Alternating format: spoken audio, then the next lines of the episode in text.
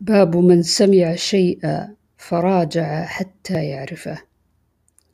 عن عائشة زوج النبي صلى الله عليه وسلم أنها كانت لا تسمع شيئا لا تعرفه إلا راجعت فيه حتى تعرفه وأن النبي صلى الله عليه وسلم قال من حوسب عذب قالت عائشة فقلت أوليس يقول الله تعالى فسوف يحاسب حسابا يسيرا؟